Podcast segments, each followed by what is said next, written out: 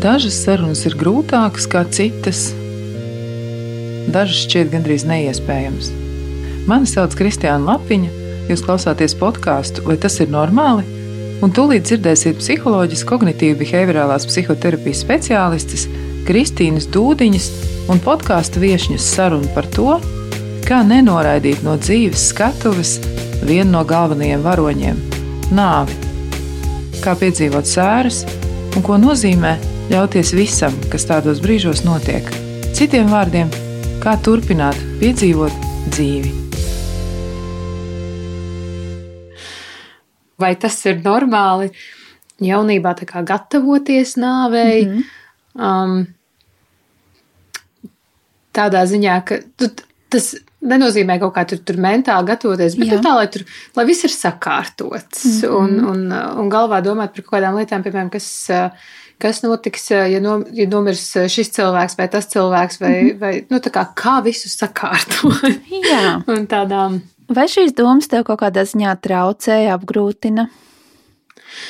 Mm, man šķiet, ka viņas varbūt tās ir, ir mazliet par daudz, un, un -hmm. varbūt um, nāk ārā arī kaut kādos brīžos, kad ir, ir jārisina kāda, kāda cita problēma. Nu, piemēram, um, es, man šo, šobrīd ir strīds ar māsu, kur nedzīvo uh, Latvijā, viņa dzīvo citā kontinentā. Mm -hmm. Un arī nu, kā, domājot, kā to strīdu atrisināt, man galvā uh, uzpeld doma par to, ka, ja nu mēs to neatrisinām, mm -hmm. uh, viņa nomirs tajā savā citā kontinentā, un es neko nezinu, un man taču viņa būs jāved mājās, un kā tas vispār notiks. Restīvi, tas tā doma kaut kur, viņa tā visu laiku ir klātesoša. Mm -hmm. Un, uh, jā, šķiet, ka varbūt mazliet par daudz. Jā.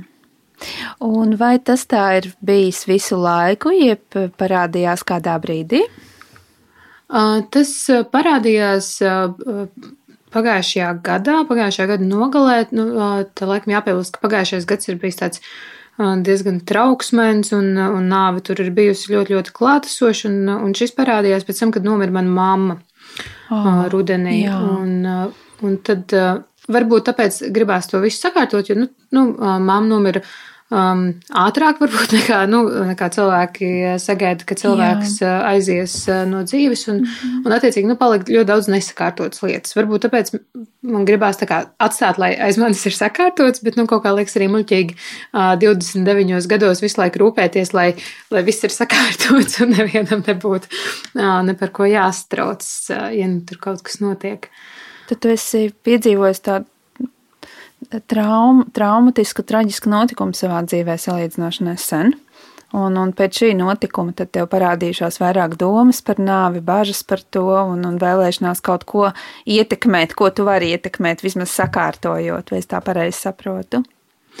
Jā, jā, man um, jā, un pagājušo gadu tiešām bija um, tā, ka tur tā nāve, um, mamma bija uh, rudenī, bet pirms tam uh, um, pagājušā gada ziemā un, un pavasarī tur nomira māsas vīrs, kurš arī, nu, jauns cilvēks, Jā. opis, kas varbūt, nu, tāds sagaidāmāk, mm -hmm. uh, nāve tur, tur bija arī pārtraukušas grūtniecības mums ar vīru, nu, kas viss tā, jā. tā kopā būvējās, bet, nu, jā, tas tā, tā gatavošanās varbūt tām lietām, tā parādījās, jā, pēc tam, kad mamma tieši nomira. Tas, um, tā kā jā. ātrāk Jā, nu, varbūt kaut kāds, es nezinu, tur, tur vairāk domas par nāvi. Jā, bet ne tādā mm, gatavošanās mm -hmm. uh, līmenī, un, nu, nu, ne tādā doma virzienā. Jā. Es domāju, ka šī gatavošanās droši vien jāskatās arī tādā plašākā kontekstā, kas, kā tu pati jūties par visiem šiem zaudējumiem, cik lielā mērā tu esi ļāvusi sev viņus izsērot, ļāvusi sev piedzīvot. Um, Jo jebkura nāve, nāve var radīt tādu sajūtu, nu, ka ir kaut kādas lietas, ko mēs nevaram kontrolēt, par ko mēs ikdienā varbūt neaizdomājamies. Ja? Un, kad tu vēl saki, ka ir bijuši vairāki zaudējumi, kas ir tādi negaidīti, neprognozēti, tad to nedrošības sajūtu vēl vairāk var paspilgtināties. Tad ir pilnīgi dabiski, kad, ka, mēs, kad tu meklē, nu, kam varētu pieķerties, ko es varu sakārtot, ko es varu ietekmēt. Ja? Tā kā tā tāda pilnīgi dabiska varbūt aizsarga reakcija un, un reakcija uz šo nedrošības sajūtu. Mm. Man šķiet, ka tā, tā nedrošības sajūta man šeit mazliet ir pieķērusies arī manam vīram. Ja mēs tur um, kaut kad runājām. Uh, Tur nu, nu, par to, ka jāskopja kapi būs Jā.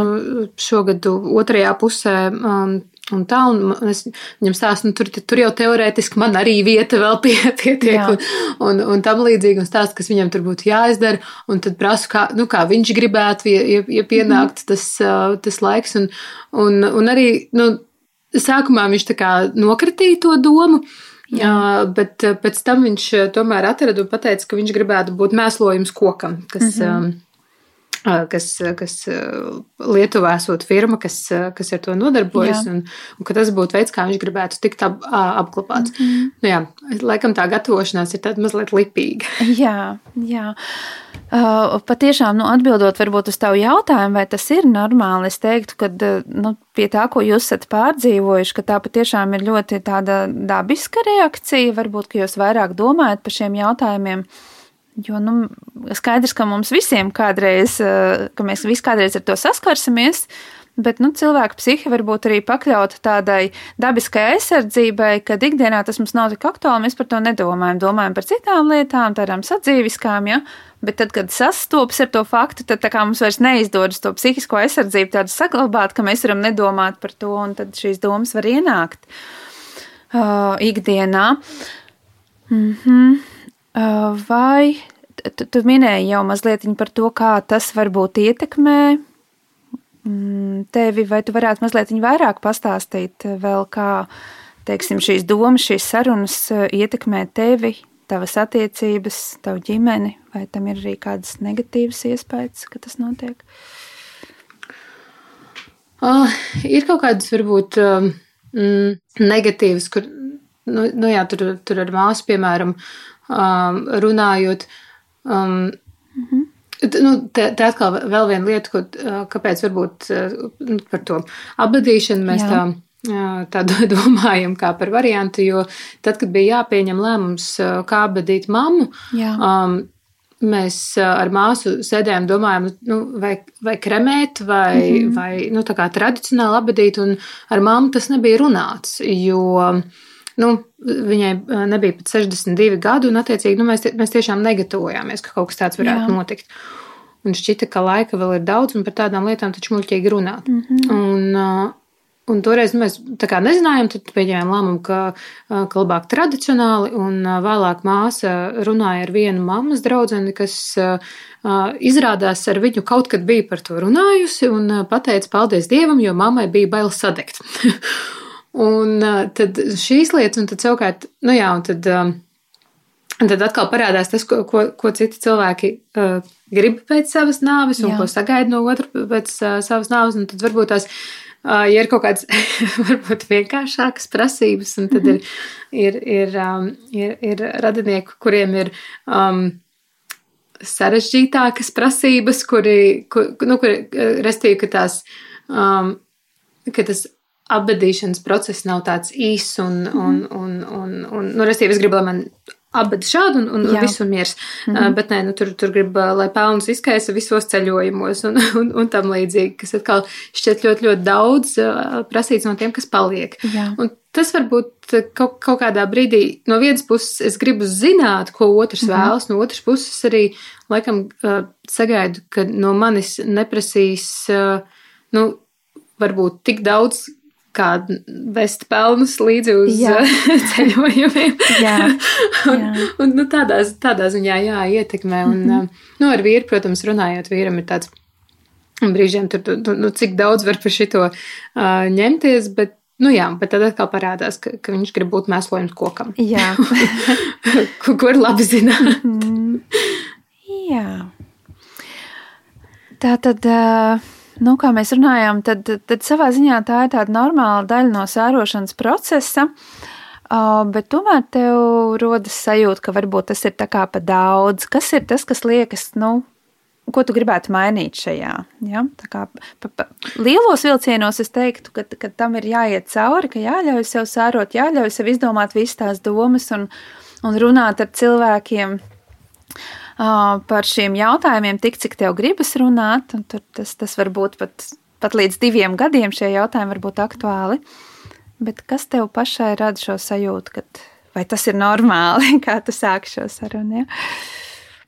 Um, nu, jā, laik, laikam. Um, Visvairāk tas, tas strīds ar māsu man šķiet ilustrē to, kāpēc man liekas, ka tas ir bišķiņ par daudz. Jā. Jo šķiet, ka nu, var, varbūt jākoncentrēs, ir, nu, tad ir konflikts, viņš ir jāatrisina. Un, mm -hmm. un ka nav vajadzīga pakausītā doma, ja viņa tagad pēkšņi nomirst, mums, mm -hmm. ok, tur paliek neatrisināts konflikts, viņi tur ar mani nerunās, mm -hmm. un kā es vispār uzzināšu, un, un, un vispārējo. Nu, jā, tas, tas ir.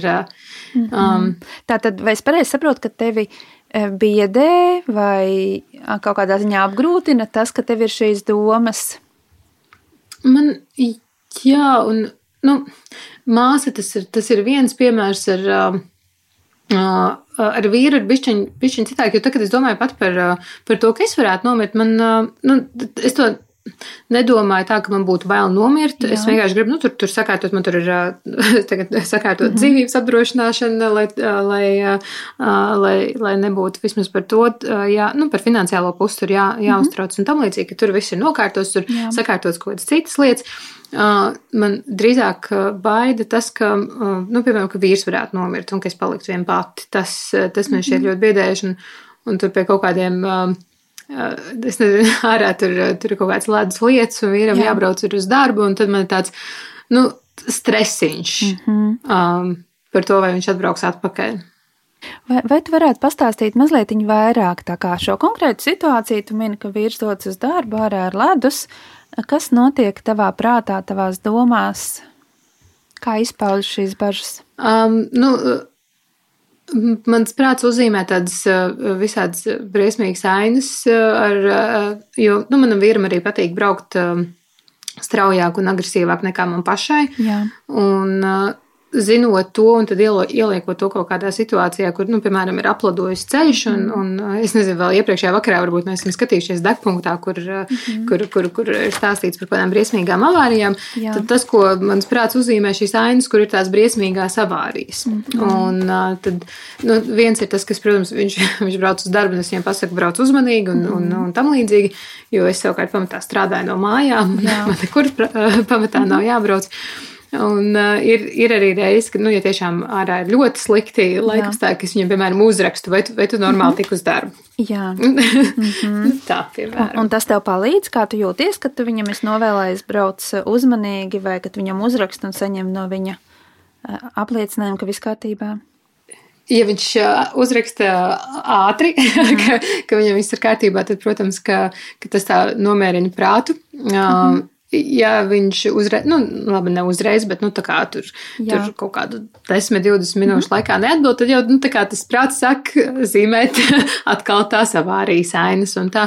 Uh, un tad, tad ir atkal varbūt kaut kāds, kaut kāda racionālā prāta daļa, kas uh, saka vienkārši, nu, nomierinies, viņš aizbrauc uz darbu, viņš strādā, tas mm -hmm. ir normāli. Un mm -hmm. turklāt viņš darbā visur nemaz nedrīkst iet ar telefonu rokās, Jā. jo, nu, uh, darba mm -hmm. specifika tāda. Mm -hmm. Un varbūt pilnīgi racionāli racionāls iemesls, kāpēc viņš neatbild šajā brīdī. Jā.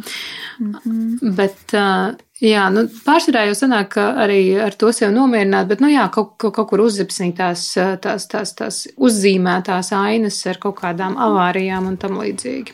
Jā, tā tad uzzipsnī šīs ainas, un ko tu jūti, kas ir tās emocijas, ko rada šīs ainas? Ah, bailes palikt vienai. Mm -hmm. um, tas, tas lai, jo varbūt, nu, tāpēc, ka Jā. tas uh, pagājušais gads bija tiešām ļoti, ļoti uh, mm. smags, un, nu, tas arī, kas palīdz noturēties virs ūdens, ja tā var teikt, ir, ir tas otrs cilvēks blakus, kas. Uh, kas, nu, kā kur brīdi, mm. kurš, nu, kurš no mums ir tā stiprā klints, bet, nu, tas, ka ir kāds, kurš pabalsta un kuru jā. pabalstīt, tomēr ir kaut kāds, mm -hmm. jā, nezinu, glābšanas laiva brīžiem. Mm -hmm. Tātad vīrs tev ir tāds svarīgs atbalsts, dod drošības sajūtu. Mm -hmm. Un, un tev bija ideja, ka tu varētu arī viņu zaudēt. Jā, jā, tieši tā. Jā, nu, šāda reakcija patiešām ir pilnīgi dabiska pēc tam, kad ir piedzīvots zaudējums, ka tā ir tāda pēctraumu reakcija kas situācijās, kur ir kaut kādi draudi, nu, var parādīties tādas ainas par to, ka to atkal varētu piedzīvot to zaudējumu. Tā kā tas ir tiešām pilnīgi normāli, un uh, iespējams, ka tas risinājums nav koncentrēties uz to, nu, uztvert to kā problēmu, ja? kaut kā mēģināt, lai, lai nerodas šīs pirmās automātiskās reakcijas. Tas nav kaut kas, ko tu vari ietekmēt. Nu, tas, ko tu vari ietekmēt, varbūt ir, ko tu dari ar šīm sajūtām, tā kā viņas jau ir radušās. Ja, tad, kad tev ir mhm. šīs ainas, kā tu sevi nomierini, kā tu sevi iedrošini, varbūt kas ir tās lietas, kas tev dod drošības sajūtu. Un uh, tu jau minēji, ka tev palīdz tas, ka tu viņam, nu, viņu iedrošini, varbūt, nu, tā kā braukt uzmanīgāk, ka tu dabūni kontaktu ar viņu, varbūt, uh, ka tu pati ar sevi aprunājies. Mm -hmm. Un, un pati tā kā Jā. mierini sevi ar to iekšējo dialogu. Jā, tas, tas, tas ir racionālais prāts, mēģina tās uh, bailes bišķiņa, bišķiņa nomierināt. Tā jau ir. Tā jau ir. Jā. Tā tad divus gadus tā var būt. uh, nu, tas var būt arī ilgāk, nu, tā kā div, sešus mēnešus līdz divus gadus ir nu, tāds intensīvāks sērošanas periods, bet šīs negatīvās dzīves pieredzes, nu, arī pēc tam var būt kādas situācijas, kas tevi atmodina, atmiņas atmodina šīs nedrošības sajūta, bāžas. Ja? Tā nav problēma. Tā nav, tas nav tā, ka kaut kas nepareizi strādātu, kaut gan var būt nu, nepatīkami šo just un biedējoši just šīs sajūtas.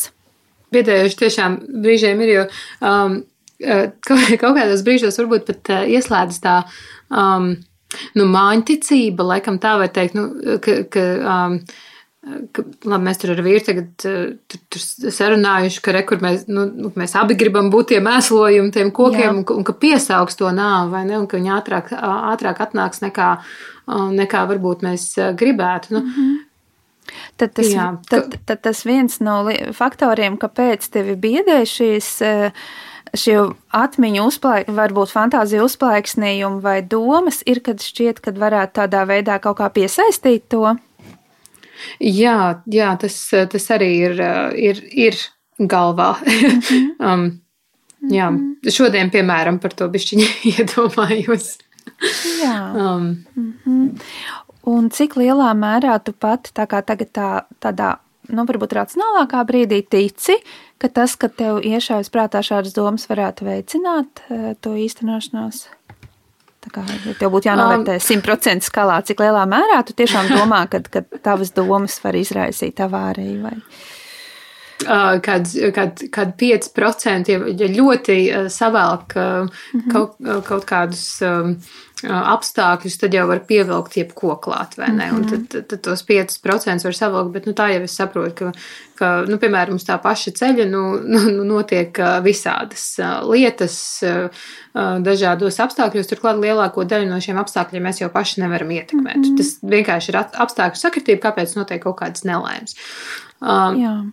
To, to es saprotu, un, un um, jā, Bet, bet tad ienāk prātā, es nezinu, varbūt tā, tā ir tā latviešu māņķicība, kas kaut kur, kaut kur ieaudzināta atkal no vecākiem, ka kaut kādas lietas nevajag piesaukt. Jā.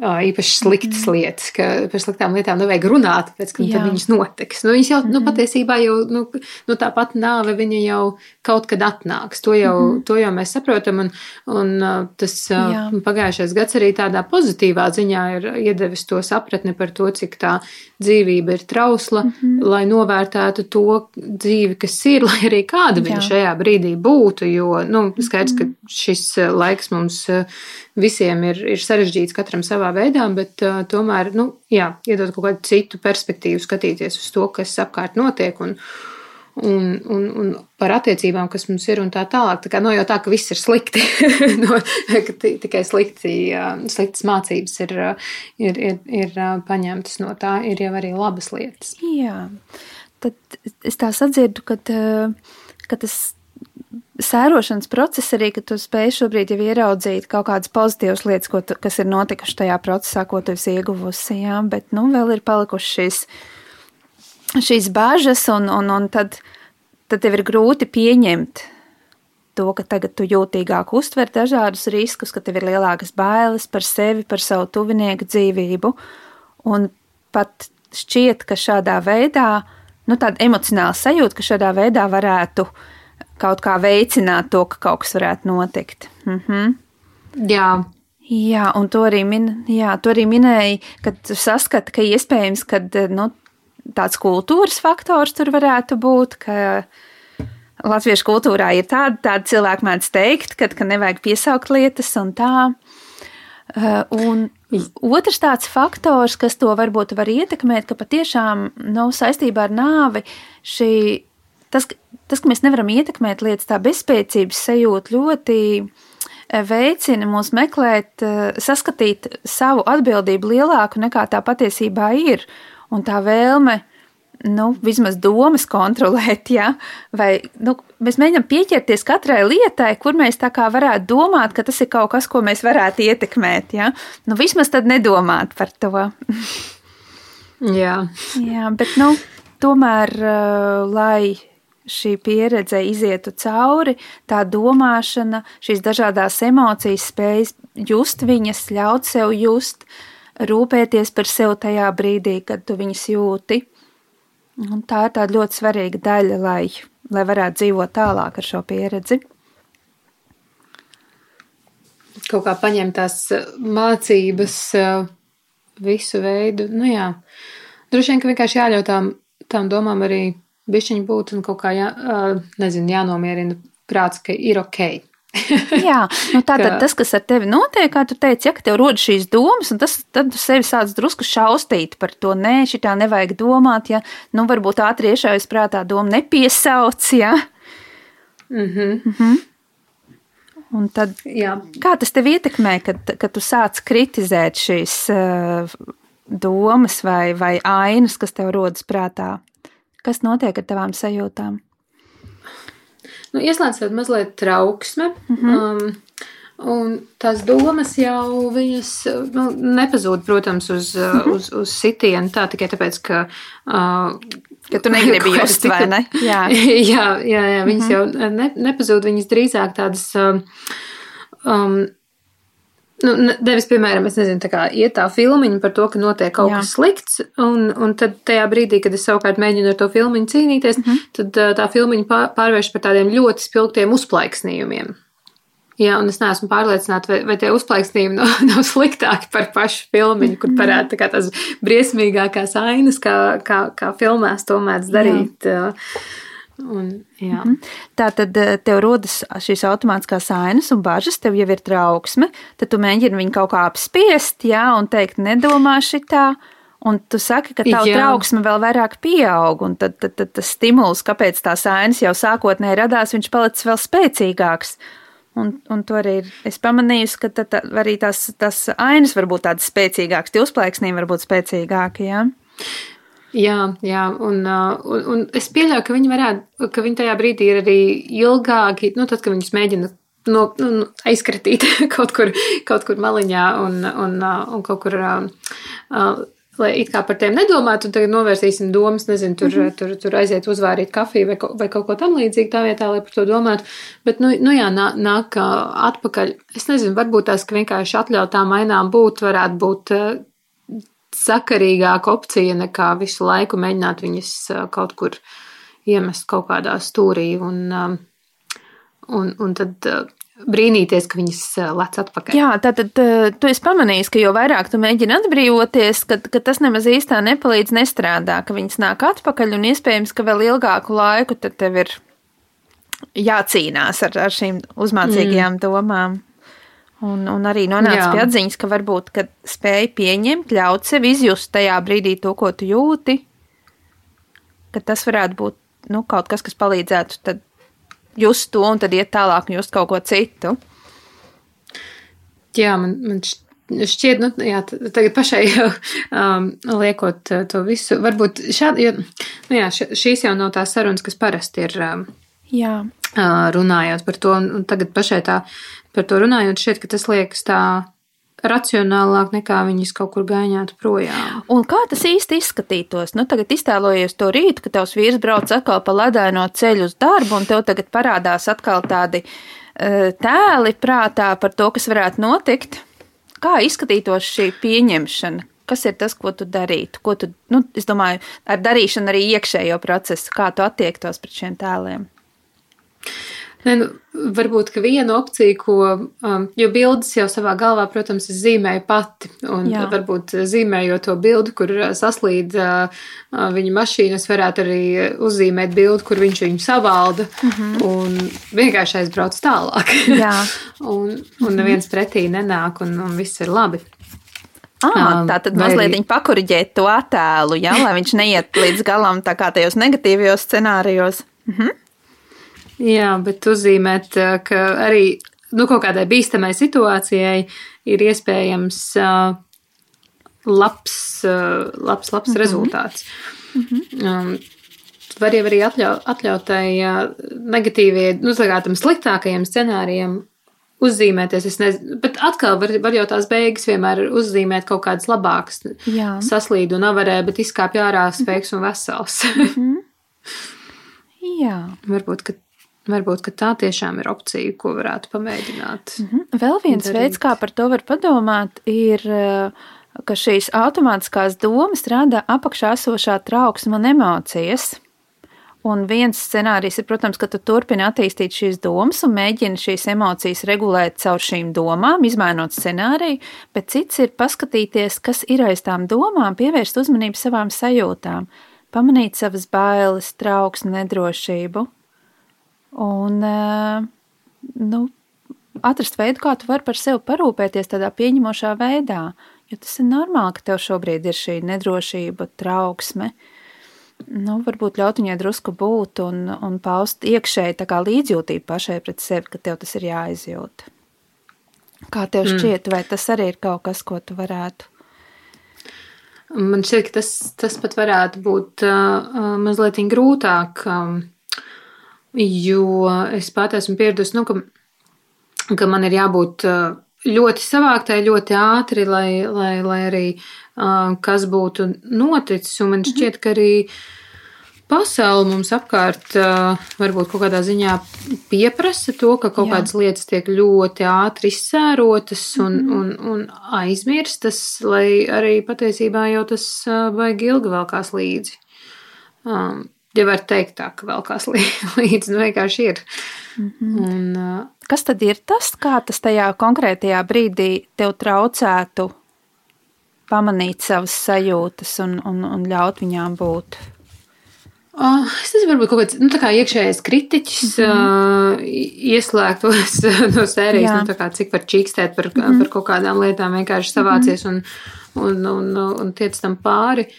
Um, Kā tas tev Jā. ietekmē, ja tu šādā veidā attiecies pret, pret tādām skumjām, sāpēm, sērām? Cik nu, var čīkstēt, savācies, ej tālāk? Um, tas varbūt kaut kādam uh, ļoti Nu, Restī, ja, ja, ja tās kaut kādas skumjas uznāk brīdī, kad man ir kaut, kaut kas jāizdara, mm -hmm. tāpēc, ka man tas vienkārši ir jāizdara, tad jā, uz, uz to momentu tas, ka es sev pasaku savācies, mm -hmm. protams, ka tas uh, nostrādā. Jā. Uh, es savācos, izdaru to, kas man ir jāizdara, bet nu, tās skumjas jau nekur neaiziet. Viņas jau turpat paliek, un tad, kad tas darbiņš, vienalga kāds tas darbiņš ir, ir, jā. ir izdarīts, tās skumjas jau turpat vien ir un ar viņām jau tāpatās ir jādzīvo. Tur tas, es nezinu, tas tā skarbā mīlestība pašai pret sevi, um, nu, tāda tiešām kaut kādiem īstermiņa uzdevumiem um, strādā, bet, nu, ilgtermiņā, protams, ka tas uh, savācies un vienkārši tiesam pāri, protams, ka tā, Tas, mhm. tas ne, nebūs. Jā, bet eh, tā arī ir pilnīgi tāda nu, normāla reakcija, kad ir brīži, kur tev tiešām vajag savākties, un droši vien ne katrā brīdī tu eh, atļaujies vai ne, tā kā ļauties savām emocijām, pievērst viņām uzmanību, kas ir tā kā pilnīgi eh, atbilstoši, un es arī negribētu tagad veicināt, ka tu sev sāc kritizēt par to, ka kurā katrā brīdī tagad ir jāļaujas emocijām.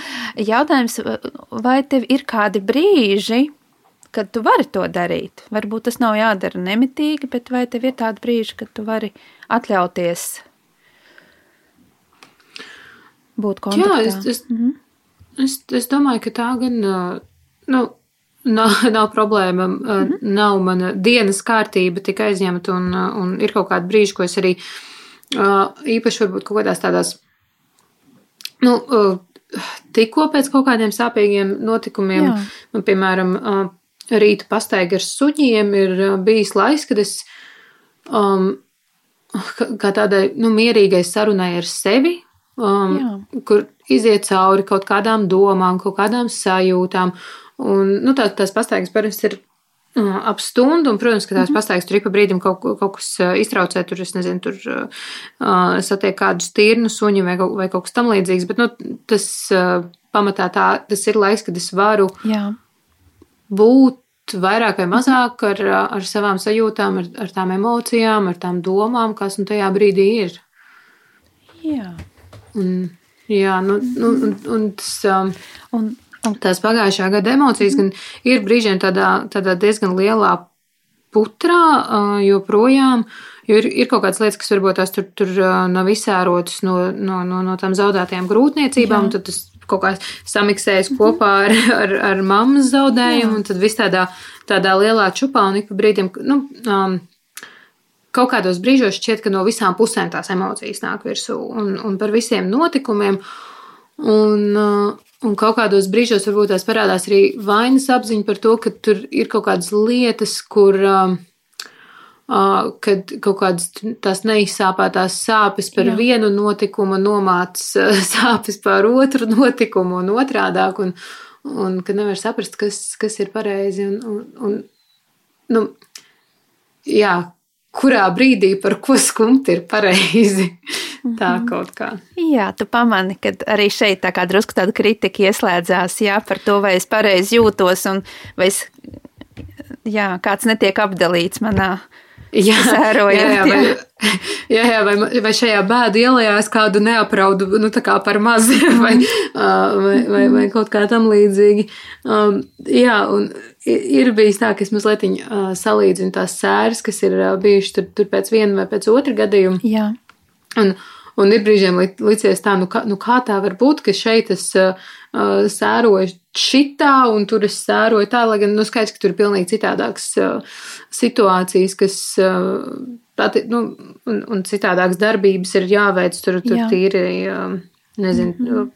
juridiskas lietas jāsakārto un tā tālāk, kas pēc uh, cita gadījuma nav aktuāls un, un tam līdzīgi.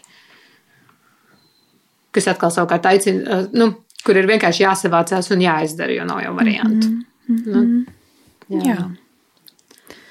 Tas tiešām ir tāds sarežģīts process, eh, kad, kad nāk visdažādākās emocijas, gan skumjas, gan varbūt kaut kāda vainas sajūta, vienmēr var būt kaut kur, kur, jā, vai dusmas uz kaut ko, nu, visas tās emocijas ir tā daļa, daļa no normāla tāda procesa, kuram jāiet cauri, un, un, un iespējams, ka, jā, nevar to tā apturēt vai kaut kā pareizi justies. Jā, šī, šī ir viena no atziņām, ko es, um, ko es atradu vienā grāmatā, kas man ir palīdzējusi. Es gan to grāmatu tā periodiski mm -hmm. lasu, jo viņa ļoti daudz pieskarās tieši sērām. Jā. Um, tā ir Linārda Rozentāla grāmata Neapturamā vasara, man šķiet. Jā. Tā viņai bija nosaukums, kur arī viņš, viņš daudz par sērām raksta dažād, nu, dažādos veidos, un, un viņa esejas, ko viņš bija rakstījis, gaidot uh, Facebookā licis, mm -hmm. tās man palīdzēja pavasarī, un tagad nu, tur grāmatā ir, ir vairāk, un tad, tur, tur arī tā atziņa, ka nu, nav jau pareiza veida, kā to Jā. darīt. Mm -hmm. uh, Un, un, un nav arī nepareiza veida, tātad, kā to darīt. Un, un, un, un reizēm tas haoss ir, ir vispareizākais, varbūt tās, kam ļauties. Jo tā jau ir, ka nu, reizēm pēc tiem zaudējumiem tā dzīve paliek tāda, nu, nu paliek, paliek bardaks. Un, un tad sakārtot jau viņi nevar piecās minūtēs. Jā, tas prasa laiku, vai ne? Kamēr tiek skaidrībā ar visu un atrod kādu jaunu skatījumu. Mhm. Nu, varbūt viens tāds aspekts, mm. ko ir vērts apzināties, kas, kas izskanēja arī mūsu sarunā, tu teici, ka šī iekšējā kritiskā daļa, kas reizēm rada tādu lielāku trauksmi vēl. Ja? Kad tev nāk tās dabiskās mm. emocijas, kādām jānāk, bet tad gan attiecībā uz šiem flashback, nu tādiem uh, iztēles uh, ainām, gan kad, kad tu jūti kaut kādas emocijas, tu pieminēji, ka tu drusku sāc sev kritizēt, vai tu pareizi jūties, vai varbūt jābeidz čīkstēt, vai jāiet tālāk, vai kādam citam vairāk jādod emocijas. Ja? Iespējams, ka mm. šis ir kaut kas, par ko tev ir vērts, ko tev ir vērts apzināt, pamanīt šo un saprast, vai tas tev palīdz, vai varbūt tu vēlies kādā citā veidā izturēties pret savām sāpēm un savām emocijām. Jā, varbūt es varu atrast uh, laipnāku veidu, kā, kā pati pret sevi izturēties. Un kā, kā, kā tu pati par to domā, vai, vai tev šķiet, ka, ir kaut, ka šī ir tāda joma, kur būtu vērts tā kā varbūt pavērot sevi un. Jā, un, un no, jā, noteikti vajadzētu sākt ar to pavērošanu, jo, nu, um, Man, man raksturs ir tāds, kur man patīk visu uzreiz labot, un, un reizēm tas nozīmē, ka labošanas procesā, kur es esmu palaidusi to novērošanas daļu garām, un tad labošanas process, protams, izvērš sarežģītāks mm -hmm. nekā, nekā tam vajadzētu būt, ja sākumā būtu pievērsta pietiekama uzmanība saknēm mm -hmm. problēmas. Um, ka jā, ka būtu vērts tiešām sākumā nu, atļautām domām būt un paskatīties, kas notiek. Mm -hmm. un, Jā, paskatīties, kā tas tev ietekmē. Mm -hmm. Jā, un tad mēģināt saprast, kā būt laipnākai pašai mm -hmm. pret sevi. Tātad tu gribētu būt laipnāka pret sevi. Jā, es domāju, ka tas varētu būt ilgtermiņa ieguvums mm -hmm. ne tikai šajā jautājumā, bet droši vien dzīvē kopumā.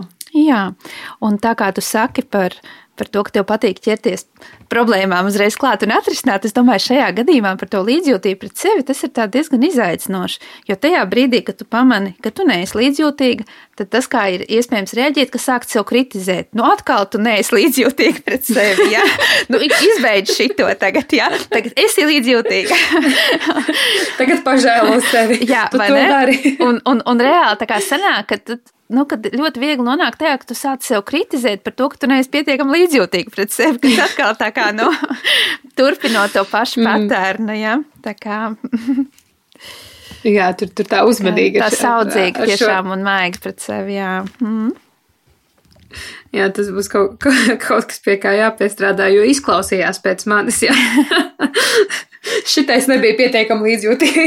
Savācies tu vari labāk. jā.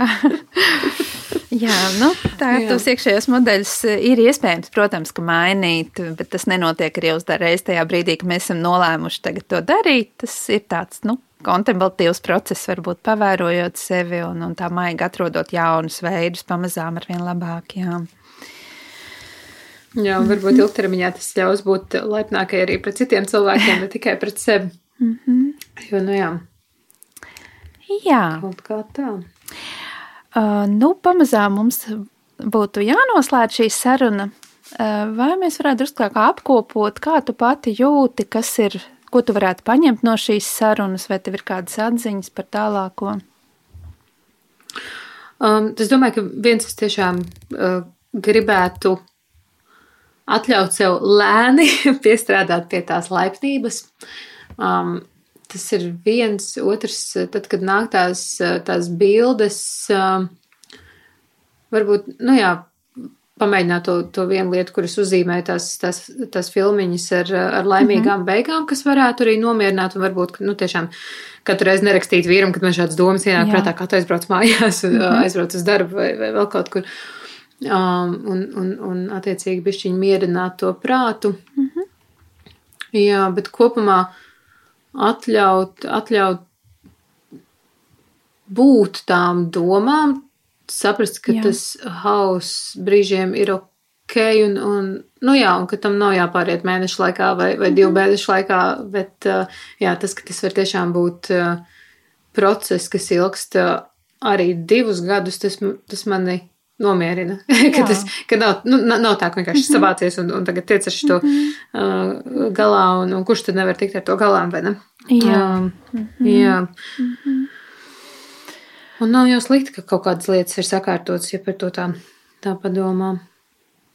Un uh, vēl viena tēma, varbūt, par ko tev vērts padomāt, kas tajā brīdī, kad tev ir tās grūtās emocijas, ko tu, ko tu vēlētos, ja? Gan, gan nu, kā tu vari par sevi parūpēties tajā brīdī, kas būtu labākais, ko tu priekš sevis vari izdarīt.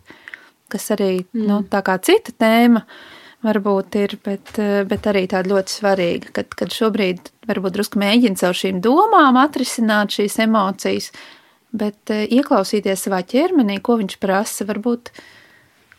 Varbūt tev gribas apsēsties, kaut kur saritināties, paraudāt, vai, vai varbūt parunāt ar kādu citu, vai iet pastaigā. Tā kā tieši tajā brīdī, nevis ar prātu, bet ar sajūtām mēģināt sajust, kas tev ir vajadzīgs, kad tu jūties, piemēram, skumji, nobijusies un tam līdzīgi. Jā, tā tas varētu būt arī mazliet izaicinoši. Um, nu, tādā ziņā, ka, ka um, ir paticis vienmēr nu, aizgaiņāt, varbūt tās tās sajūtas ar, ar vien, nu, novēršot domas, darot kaut ko citu, um, ko, mm -hmm. ko daži sauc par darba terapiju. um, mm -hmm. Un tā vietā tiešām atļaut apsēsties un, un, un pagulēt un paraudāt varbūt ka ir vērtīgāk nekā, nezinu, uzbūvēt sienu. Es nezinu, vai tas ir vērtīgāk, arī darba terapija ir ļoti laba. Kaut kādā brīdī ir laba darba terapija, bet vislabāk ir, kad, kad ir tāds plašs repertuārs ar lietām, ko tu vari darīt. Ka reizēm tu vari paraudāt, reizēm tu vari darba terapiju, reizēm ar suni iziet ārā. Nav tāda viena pareizā recepte. Mm. Un es redzu, ka tu ļoti daudzas lietas īstenībā jau, jau dari un, un gan, gan kā tu saki, par šo darba terapiju, gan arī, ka jūs runājat eh, ar vīru par šiem jautājumiem. Un eh, ka tu spēj saskatīt arī kādus ieguvumus šajā procesā. Ja? Tā kā izskatās, ka tu esi nu, ļoti tā, tā veiksmīgi šajā pieredzē tiec ar to galā patiesībā. Kaut arī ir dažas lietas, kas joprojām tevi rada bažas un tādu nedrošības sajūtu, vai tas ir pareizi vai nē. Bet eh, tās ir tādas mazās lietiņas, teiksim tā. Nu, tā kā tas lielais process, manuprāt, kad, kad tev ļoti veiksmīgi notiek. Tev ļoti daudz resursu. Paldies, paldies. Jā, es cenšos atrast arī nu, visās situācijās kaut kādu gaismas stariņu, kas, mm -hmm. kas laikam man ir no mammas, jo viņa vienmēr viss sūdīgākajās lietās vienmēr ir atradusi arī iespēju to izmantot par mēslojumu. Tā kā jā, tas laikam mums ģimenē. Jā, šie pozitīvie resursi, man, pozitīvais mantojums. Jā, jā, jā, jā tieši tā. Jā. Tieši tā. Labi, vai mēs tad tagad varam noslēgt šo sarunu? Kā tev ir sajūta, vai ir kaut kas, ko gribētos piebilst? Um, Mm, šķiet, ka nē. Uh, mhm. Šķiet, ka ir kaut kādas lietas, ko, ko paņemt līdzi un, un ko pamēģināt, ar ko pastrādāt. Uh, jā, mhm. tādā ziņā forši, ka ir ierakstīts, un tad varēs pārklausīties un, un padomāt par jā. kaut kādām lietām vēl. Mm -hmm. Nu, labi. Paldies tev par šo sarunu. Lielas, liels paldies par, par novērojumiem un par ieteikumiem. Es ceru, ka varbūt noderēs domājot par, par to, vai, vai ir ok vai, vai nav ok. Un, jā. Šī sarunas daļa ir par to, ko podkāstu varone piedzīvoja sarunas laikā, ko viņa atklāja pati par sevi, par dzīvi un arī par citiem cilvēkiem. Un mans pirmais jautājums ir tāds, vai cilvēkiem vispār par šīm lietām ir viegli vai grūti runāt? Kā tev bija, tad, kad tu nāci ar savu jautājumu un uh, mēģināji to uzdot, noformulēt un vispār saprast, nu, kā tad ir? Vai ir viegli vai grūti? Kā bija tev? Mm, man šķiet, ka man bija viegli tādā ziņā, ka es gribēju par to runāt, bet man arī. Um, nu, uh, tad laikam tā, nu, tāda nu, no tā pagājušā gada tāda varbūt lielākā trauma tiešām bija mammas nomiršana, un man pēc viņas nāves vispār gribējās runāt par nāvi gan kā vienkārši kāds, kā nāvi, kā dzīves daļu, bet arī konkrēti par viņas nāvi runāt, jo es, es, man, man tas šķita palīdzoši.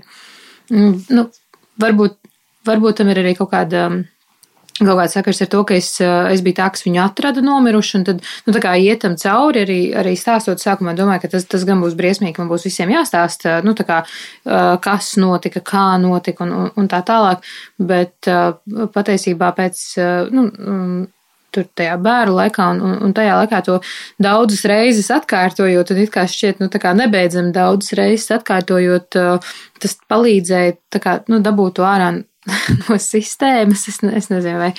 Mm, To ir tā labi saprast, bet man šķiet, ka tā runāšana ir tāda laba lieta un ka mums vispār uh, Pēdējā, pēdējā laikā man pašai šķiet, ka mums par nāvi baigi nepatīk runāt kā, sabied, kā sabiedrībai kopumā, un es nerunāju tikai par Latviju. Man šķiet, ka tā ir kaut kāda rietumnieku problēma, ka mums nāve ir tāds liels bubulis, kaut gan nāve ir normāla dzīves sastāvdaļa. Tas ir, tas ir mūsu visu finišs, un neviens no mums no, tie, no tā neizvairīsies.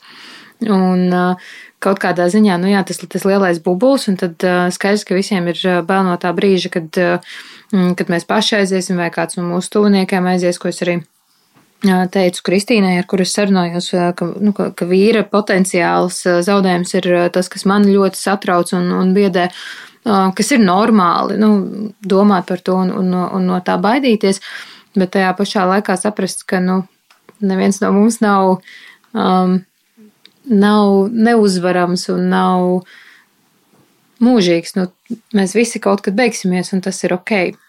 Kā ir šobrīd, vai ir kaut kas mainījies? Nu, ir mazliet, mazliet laiciņš jau ritējis uz priekšu. Tās ir burtiski dažas dienas pēc sarunas, bet kā tu tagad raugies uz tām lietām? Vai ir kaut kas tāds, ko tev ir izdevies no sarunas paņemt sev nu, kā tādu gandrīz vai, nu, negribētu teikt praktisku lietu, bet tomēr, kā tas tev ir ietekmējis, varbūt tev ir izdevies kaut ko citādi ieraudzīt?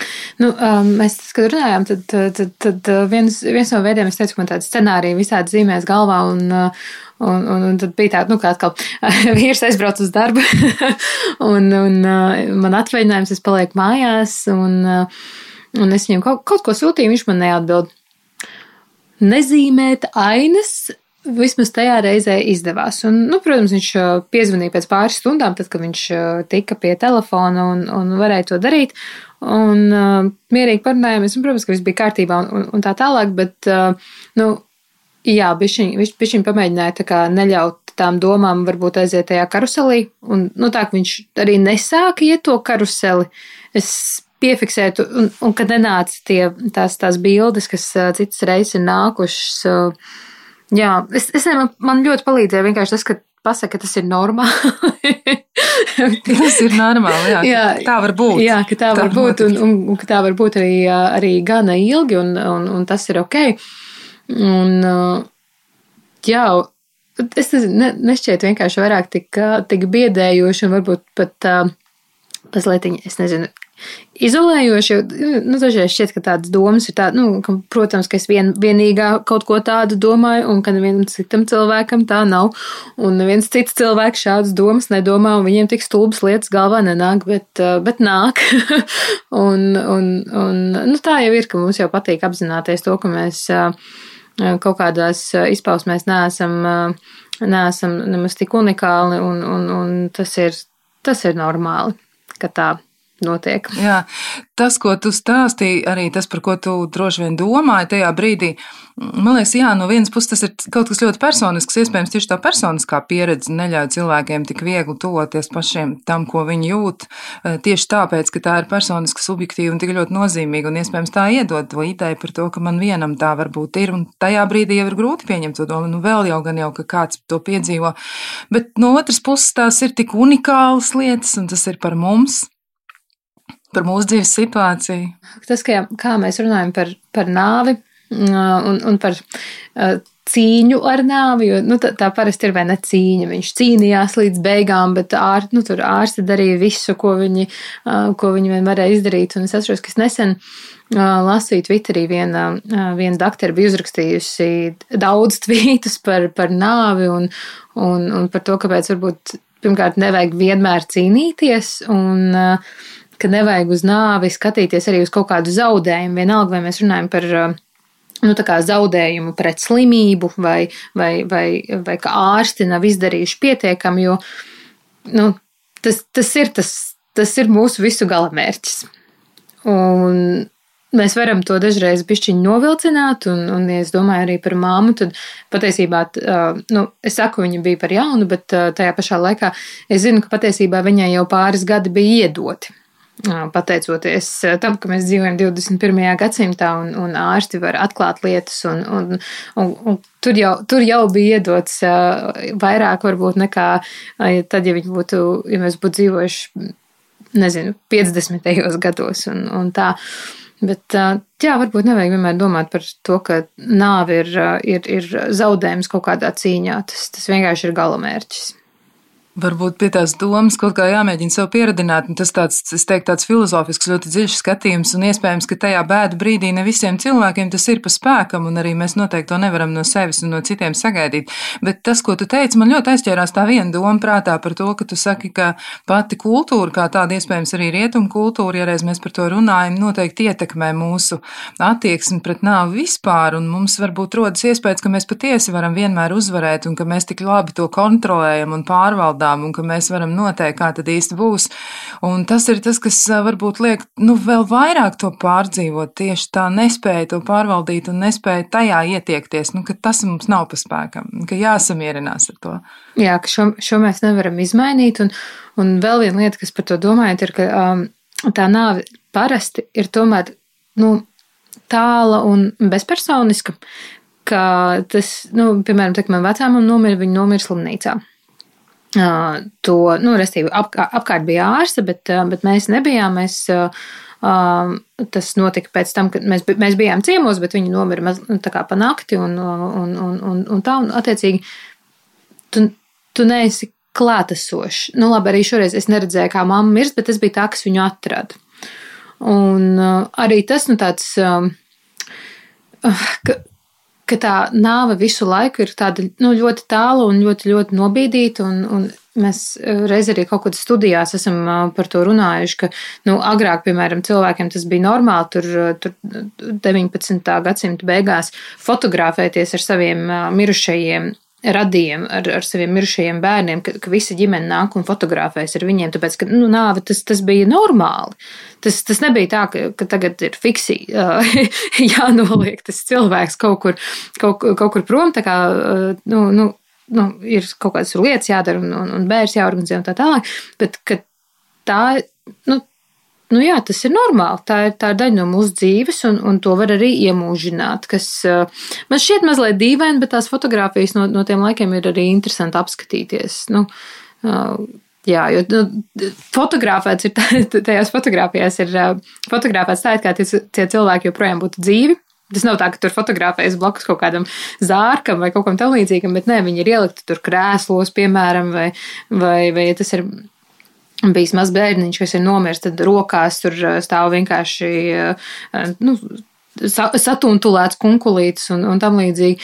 Um, ka tas, nu jā, kaut kā, es nezinu, tā, tā izpratne, man liekas, mums ir kaut kā mainījusies, un tā nāve ir kaut kur nobīdīta, kā kaut kas ļoti nepatīkams un ļoti, mm, nu jā, kaut kas tāds, ko vajag aizvākt no acīm. Jā, tu ļoti precīzi to pateici. Kaut kas tāds, ko vajag aizvākt no acīm, laikam tā, ka tiešām ir tik grūti ar to būt attiecībās, un tas atkal un atkal pārsteidz cilvēks, un ņemot vērā, nu, iespējams, arī zinātnes attīstību, tad tiešām rodas tāda iluzora izjūta, ka, nu, viss, ka tā mums patiesībā ir tāda labākā stratēģija. Mēs tagad darīsim tā, ka mums nemaz nebūs, nu, nāves nebūs kā tādas, vienkārši nebūs. Mēs būsim mūžīgi jauni, mūžīgi skaisti un vispār dzīvosim mūžīgi. Un varbūt tas ir tas, kas tik ļoti, ļoti liedz to ielikt tajā. Bet kas izklausās mazliet šausminoši arī. Jā. Nu, tā, nu tā, tā iedomājas dzīvot, dzīvot mūžīgi, jo tomēr kaut, kaut kādas lietas, ko mēs gribam, nu, Es nezinu, tur, piemēram, tur kaut kādā kristīgajā tradīcijā mēs gribam darīt labu, lai mēs būtu tur tuvāk dievam pēc nāves un, un tam līdzīgi, nevis, nevis nonākt ellē vai, vai, vai kaut kā tam līdzīgi. Man liekas, tas tomēr, tas, ka tas viss kaut kad var beigties, iedod cilvēkam pirmkārt vēlmi dzīvot to dzīvi, kas tev ir, lai kāda viņa arī tajā bū, brīdī būtu. Bet, bet, jā, nu, es nezinu, ka tev ir kaut kāda finiša līnija. Citādi tas ir vienkārši mūžīgs maratons, vai ne? Kurš nekad, nekad nebeidzas. Tā izklausās tāds tiešām tāds nebeidzamais ceļš, kuram neredz galu, un ja to beigu nav, vai arī tās beigas mēs neapzināmies, un, protams, ka mēs uz jebkurām beigām reaģējam, vēl jau vairāk, ja tie ir tuvi cilvēki, tas ir saprotams, bet patiesi tāda Nebeidzamības izjūta droši vien atņem arī kaut ko, da, nu, kādu daļu no lietu kārtības, tas izjauc un kaut kas vairs nestrādā tā, kā vajag. Bet eh, vēl atgriežoties pie, pie jūsu sarunas, man vēl gribētos uzdot vienu jautājumu par to, Nu, kas ir tas, ko tu teiktu eh, tiem cilvēkiem, kuri izjūt tiešām tādas ļoti lielas grūtības, un viņiem šķiet, ka tajā brīdī, kad tas, tas kas notiek ar viņiem, ka tas nav normāli, un ka viņi nu, nezina pat īsti, kur vērsties? Ko tu teiktu? Nu, kā tev liekas, kas varētu būt tas palīdzības veids, vai tu saskati tajā kādu tādu iespēju, potenciālu vai jēgu? Ko tu teiktu? Kā tu, kā tu varbūt iedrošinātu kādu runāt par tām grūtībām, kas ir? Nu, uh Droši vien tas ļoti, ļoti atkarīgs uh, no tā, kādas grūtības un kā, cik traki cilvēkam. Viena lieta, kas varētu palīdzēt man šeit, ir, nu, jo dažreiz ir bail runāt uh, skaļi un, un, un runāt, un varbūt iet uh, iekšā pārāk dziļi, kas arī ir kaut kāda lieta, par ko es esmu domājusi, domājot par psihoterapiju, ka nu, man ir kaut kāda lieta, ko man gribās atrisināt, man baigi, baigi bail, ka baigi dziļi mēs sāksim rakt un, un, un nevar zināt, ko tur uzraks. Bet parunāt ar cilvēkiem vienmēr ir svētīgi, um, un tam nav jābūt vienmēr psihoterapeitam. Varbūt draugi, ģimenes locekļi. Nu, ja jūt, ka ar to nepietiek, ir anonīmie tālruņi skalbēs, kas, un, un, un, un noteikti arī citur, bet skalbas ir pirmās, kas nāk man prātā, kas var palīdzēt un kas var iedot stimulu tikt ar to gar, galā, jo skaidrs, ka tad, kad nomirst kāds ļoti tuvs cilvēks, tas ir milzīgs trieciens, un, un, un tas nav viegli, tāpēc, ka nu, mēs jau visi esam kaut kādu tur, tur dzīvi saplānojuši. Nu, es gribēju mammu vēl uz Parīzi aizvest, ko, ko, ko nevarēju tagad dēļ Covid un, un tam līdzīgi. Un tu jau prātā to visu lietas, kā, kā, nu, kā būs un, kā, un, un ko mēs darīsim. Un, un, un tomēr tur ir, nu, dažreiz tas, tas nav tāds īstermiņa plāns, bet tu domā kaut kādus 10, 20 gadus uz priekšu, ko ar to cilvēku kopā varēs darīt. Un, un, nu, tas scenārijs pēkšņi pārtrūkst. Un, tur, tur vairs neko iekšā nevar ierakstīt un neko nevar izpildīt. Un, un skaidrs, ka tur jāiet cauri vainas apziņām par, par visu, kas ir izdarīts, par visu, kas nav izdarīts, par visu, kas ir pateikts, par visu, kas nav pateikts, par visu, kas ir padomāts arī. Un, un, un tas, ir, tas ir grūts process, un dažreiz tas ir par daudz, un ja tas ir par daudz, tad labāk ir atrast kādu, kas palīdz no tā par daudz tikt, tikt, tikt cauri. Telefona saruna var būt labs sākums uz tiem krīzes tāruņiem, kur, nu, ja jūt, ka šitais neiet vienkārši nomet klausulu, pasaka paldies. Tas ir labs secinājums. Man šķiet, arī tāds ļoti iedrošinošs citiem cilvēkiem, kuri iespējams arī raizējas par to, ko viņi jūt, ko viņi domā. Un kā tu teici, tev tāds doma karusels, ko reizēm izdodas, reizēm neizdodas apturēt, gan jau, ka kāds vēl tajā karuselī griežas, bet tas droši vien ir labs veids, kā sākt varbūt arī saruna pašam ar sevi. Jā, es teikšu tev paldies par, par drosmi, par sarunu, par to, ka tu iesaistījies, par to, ka tev, nu, tā teikt, bija iespēja dalīties un vienlaiks arī, ka tu to iespēju izmantoji. Cerams arī, ka tas citiem cilvēkiem dos ierosmi runāt par to, par ko runāt reizēm ir ļoti, ļoti grūti. Jā, bet svētīgi. Paldies, paldies, ka tev iespēja. Paldies tev! Te nu mēs esam ar Kristīnu Dūdiņu, un mani jautājumi būs par to, kā vispār cilvēkiem ir ar šiem tematiem. Vai ir viegli vai grūti runāt par to, no kā mēs reizēm tik ļoti baidāmies, bet kas tomēr ir svarīga dzīves daļa. Es domāju, ka runāšana ir tikai tāda virspusēja izpausme tam, kas ir grūti saskaroties ar nāvi, ar cilvēkiem, kas sēro, Tas grūtākais droši vien ir piedzīvot emocijas, kuras cilvēks izjūt šajā laikā, un tas ir gan pašam cilvēkam varbūt ļoti biedējoši, mulsinoši, mm, gan arī apkārtējie, tomēr, nu, mēs, tā tāda īpaša situācija, mēs neesam pieraduši būt ar šādām jūtām, Un droši vien tas ir tas, kas rada to grūto, ka mēs īstenībā nezinām, ko darīt. Un, un to var arī redzēt, ka sērojoši cilvēki nereti līdztekus šīm skumjām, viņi izjūt arī tādas tā kā bailes par to, kas notiek ar viņiem pašiem. Vai tas ir normāli, vai viņiem, kas viņiem tagad būtu jādara ar to, kā viņiem būtu jārūpējas par sevi. Nu, līdzīgi arī līdz cilvēkiem. Jā, tātad šīs bailes par to, kas ar mani notiek, vai viss ir pareizi, vai jā. Kā tas izskatās nu, no kultūras viedokļa raugoties? Varbūt tur arī ir kaut kas tāds, kas mūs ietekmē, to mūsu attieksmi, domāšanu vai izturēšanās veidu.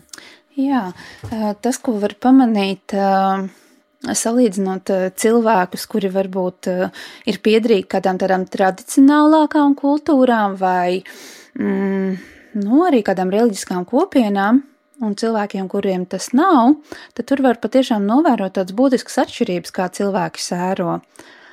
Šie un es šeit runāju par šiem sērošanas rituāliem, par to, ka ir kāds ietvers, kurā tu vari ļaut sev just, iziet cauri šim sēvošanas procesam, just to, ko tu jūti. Nu, tomēr mūsdienu cilvēks ir vairāk brīvs, viņš savu dzīvi nepakļauj tik lielā mērā rituāliem. Uh, it īpaši sērošanas rituāliem, jā, un saskroties ar to pieredzi, tad paliek tā individuāla atbildība, uh, un ko man ar to darīt, kā man ar to tikt galā. Bet eh, man tad tādā gadījumā jautājums ir, jā, mēs piedzīvojam eh, tādas lietas savā dzīvē un esam spiest ar to saskarties, un mūsu reakcijas jā. ir tādas nu, ļoti, ļoti personiskas. Bet ko tad darīt tiem cilvēkiem, kas mm. ir mhm. līdzās? Kāpēc viņiem ir tik grūti par to runāt un tik grūti mm. būt ar cilvēku, kurš piedzīvo tādas, tādu situāciju?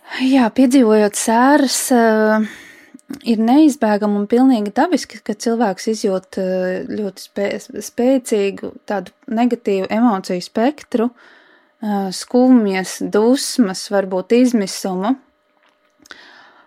Esot līdzās cilvēkam, kurš pārš, piedzīvo šādas emocijas, protams, ka mēs gribam viņu, mums, mēs izjūtam empātiju, mums gribas viņam palīdzēt, bet vienlaikus sērošanas procesā tas tas, kas cilvēkam ir jādara, viņam ir jāizdzīvo, viņam ir jāļauj izjust visas šīs jūtas. Un droši vien līdzcilvēkos tas rada tādu, varbūt tādu iekšēju konfliktu un, un, un nesaprast, nesaprast, neizpratni, kā es varu palīdzēt, ja, kas ir tas, ko es varu tagad darīt. Un, nu, tur var būt droši vien arī tāda bezspēcības sajūta. Tāpēc ir palīdzoši, eh, ja cilvēkiem arī ir tā izpratne par to, kāda ir kas notiek sērošanas laikā, nu, ko mēs varam darīt, esot līdzās. Un kas ir tas, ko mēs varam darīt? Mēs varam ļaut cilvēkam mm -hmm. to mhm. piedzīvot. Varbūt mums arī sev jāļauj piedzīvot to, kas notiek. Jo mums tik ļoti gribas, lai salabojas tas otrs cilvēks blakus, tā teikt, vai arī Jā. lai viņš atgriežas tajā iepriekšējā, nu, kā lai saka, funkcionēšanas veidā, un tas nenotiek, mm. un mēs nezinām, ko ar to darīt. Kā mums ar to būt? Šādi jūtas droši vien gan pats cilvēks, kurš sēro, ko mēs arī sarunā, kas iepriekš notika, varējām dzirdēt, ka cilvēkam var būt bažas vai es daru pareizi, vai es ar sevi apjos pareizi sērošanas laikā, un tāpat arī līdz cilvēkiem. Un, nu, tu jau pieminēji tādu svarīgu aspektu no tā, ko var darīt, ir ļaut cilvēkam justies tā, kā viņš jūtas, tik ilgi, cik viņam tas ir nepieciešams. Daudz grūtības rodas tajā brīdī, kad mēs mēģinam kaut kā apspiest, pārlieku ātri to atrisināt. Nu, tad cilvēks paliek viens ar tām jūtām, un viņam tad ir lielāka vēlme arī norobežoties no apkārtējiem, lai neapgrūtinātu viņus ar savām jūtām. Nu, mēģinot mierināt cilvēku, kaut kā ātrāk palīdzēt viņam tikt pāri jūtām, mēs varam dabūt tādu pretēju rezultātu, ka viņš, kad, kas arošais cilvēks jūtas kā apgrūtinājums. Nu, jā, un, un tad viņš var pašizolēties, kas atkal šo sārošanas procesu vēl vairāk var apgrūtināt. Vai te varētu būt tas iederīgais jautājums, kā es varu tev palīdzēt, vai arī vai tu gribi par to parunāt, vai mēs varam tā jautāt, jo laikam arī tas ir grūti pajautāt otram cilvēkam, mm -hmm. acīs skatoties un redzot, ka viņš ir sēru pārņemts, un varbūt viņš grib par to runāt un nevar saņemties, un ko ar to iesākt. Mm -hmm. Tāds jautājums e, varētu būt vietā. Vienlaikus, e, protams, ka cilvēki ļoti atšķirīgi veido attiecības, veido komunikāciju. Un e, noteikti, ka arī sērošanas laikā tā nebūs kā pēc grāmatas, tā kā, kad mēs piedāvāsim runāt, un cilvēks ar mums runās, un mūs bēdīgs paraudās, un, un kaut kā tas nomierināsies, jā. Ļoti iespējams, ka viņš negribēs runāt, varbūt arī norobežosies. Tāpēc vēl viena tāda lieta, ko svarīgi atcerēties, um, neustvert tādu laicīgu, varbūt norobežošanos, kamēr, kad cilvēks vēlas būt viens ar tādu atraidījumu, nu, kad, ok, ja viņš negrib ar mani būt, nu, tad es atstāšu viņu vienu, un tad atkal pēc kāda pusgada iečeko, vai ne, un kā tad te vieta. Mm, būt klātesošam, nebūt pārlieku, varbūt tādam uzmācīgam ar savu klātbūtni. Iespējams, ka var kādas praktiskas lietas drusku piepalīdzēt. Ja? Tīri sadzīvē, reizēm tas ir pat palīdzošāk nekā tā tieši. Nu, mēģināt izdabūt no cilvēka, kā tu jūties, tagad runā par to. Patiesībā, sakot, es esmu arī savā praksē saskārusies, strādājot ar sārošām ģimenēm, ka reizēm cilvēki tā dara, ka viņi uzskata, ka, ja cilvēks ar viņiem par to nerunā, ka tā ir problēma, un viņi visādi viņu katru dienu mēģina tirtīt, lai viņš sāktu runāt un stāstīt nu, tas bieži vien nedod tādu rezultātu, kā mēs sagaidām, varbūt tieši pretēji. Ja? Tātad e, būt klātesošiem, būt gataviem uzklausīt, bet arī nemēģināt piespiest cilvēku darīt to, kam viņš nav gatavs. Tas nozīmē, ka kaut kāda daļa tajā teicienā, ka kaut ko sakārto laiks, vai arī tāda tā kā mm -hmm. ļaušanās, tas laikam šoreiz ir īsti vietā, vai ne? E, jā, noteikti tas attiecas uz visām jūtām, vai ne? Ka tad, kad viņas rodas, viņām ir kaut kāds pamats šajā situācijā, tās sēras, sēras ko cilvēks izjūt, nu, tā ir tāda normāla attiecību daļa ar cilvēku, kur viņš ir zaudējis. Un, nu, svarīgi, ka ļauj dod savā dzīvē telpu, vietu šīm jūtām būt, lai kādas viņas būtu, būt šīm domām, būt atmiņām. Un, nu, vienlaikus arī tad, kad mēs ļaujam būt savām jūtām, nu, laika gaitā viņas mainās. Ja, parasti nepaliek kaut kas uz vietas, jūtas ir kaut kas, kas mainās. Tas nozīmē, ka laiks iet uz priekšu ne tikai mm -hmm. sērojošam cilvēkam, bet arī vispār arī tiem pārējiem mm -hmm. cilvēkiem, kas ir līdzās. Jā, man liekas, es, eh, tā, es uzsvēru to tavu domu par, par to, ka būt līdzās, laikam tas ir nu, tas, kas būtu visvairāk nepieciešams. Būt līdzās mm -hmm. tā mhm. neuzbāzīgi, bet vienlaikus mēģinot reaģēt uz cilvēku vajadzībām. Mm -hmm. Jā, būt līdzās, un, un es pat skatītos vēl plašāk.